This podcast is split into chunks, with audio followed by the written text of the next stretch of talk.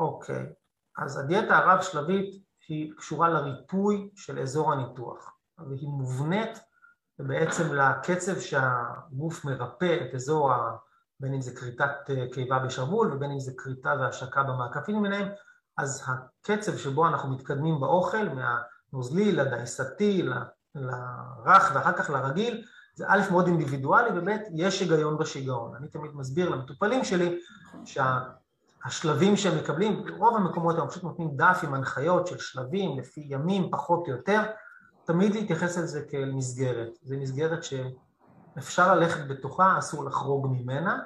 זה לא קשור לרפלוקס, הרפלוקס קשור בין היתר לאנטומיה, למבנה ולהיענות של הקיבה, לקיום או אי קיום של בקע שרפתי שראו או לא ראו בניתוח, לפעמים נוצרים בקעים שרפתיים בלונגרן, אנשים שבאמת אוכלים לא נכון או שהבקע שלהם נוצר כתוצאה מהקאות חוזרות או דחיסה של אוכל מוגזמת לתוך הניתוח, אז דברים האלה קיימים. הרפלוקס לא קשור לדיאטה רב-שלבית, הוא בפירוש קשור לניתוחים השונים.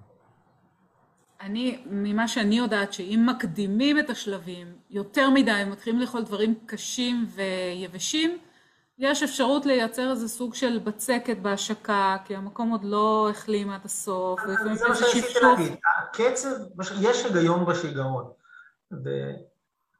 וההנחיות האלה באמת ניתנות מתוך מחשבה ומתוך איזשהו ידע וניסיון של הרבה מאוד מנותחים, ולכן גם אם מרגישים ממש מעולה, אז אני מאוד ממליץ לא לדלג על השלבים ולא ללכת מהר מדי, מותר גם מותר ללכת יותר לאט ולהיות יותר זהירים.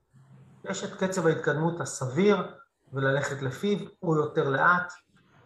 נקפיד על זה כנראה שלפחות הקטעים האלה ייחסכו לנו. כן, כדאי לחשוב על עצמכם כעל תינוקות שנולדו. הרי תינוק שנולד לא תעביר אותו ישר מיניקה לקציצות בשר. לעשות את השלבים בעדינות, להתייחס אליכם כאל תינוק שנולד וללכת לאט לאט בתהליך. זה הכי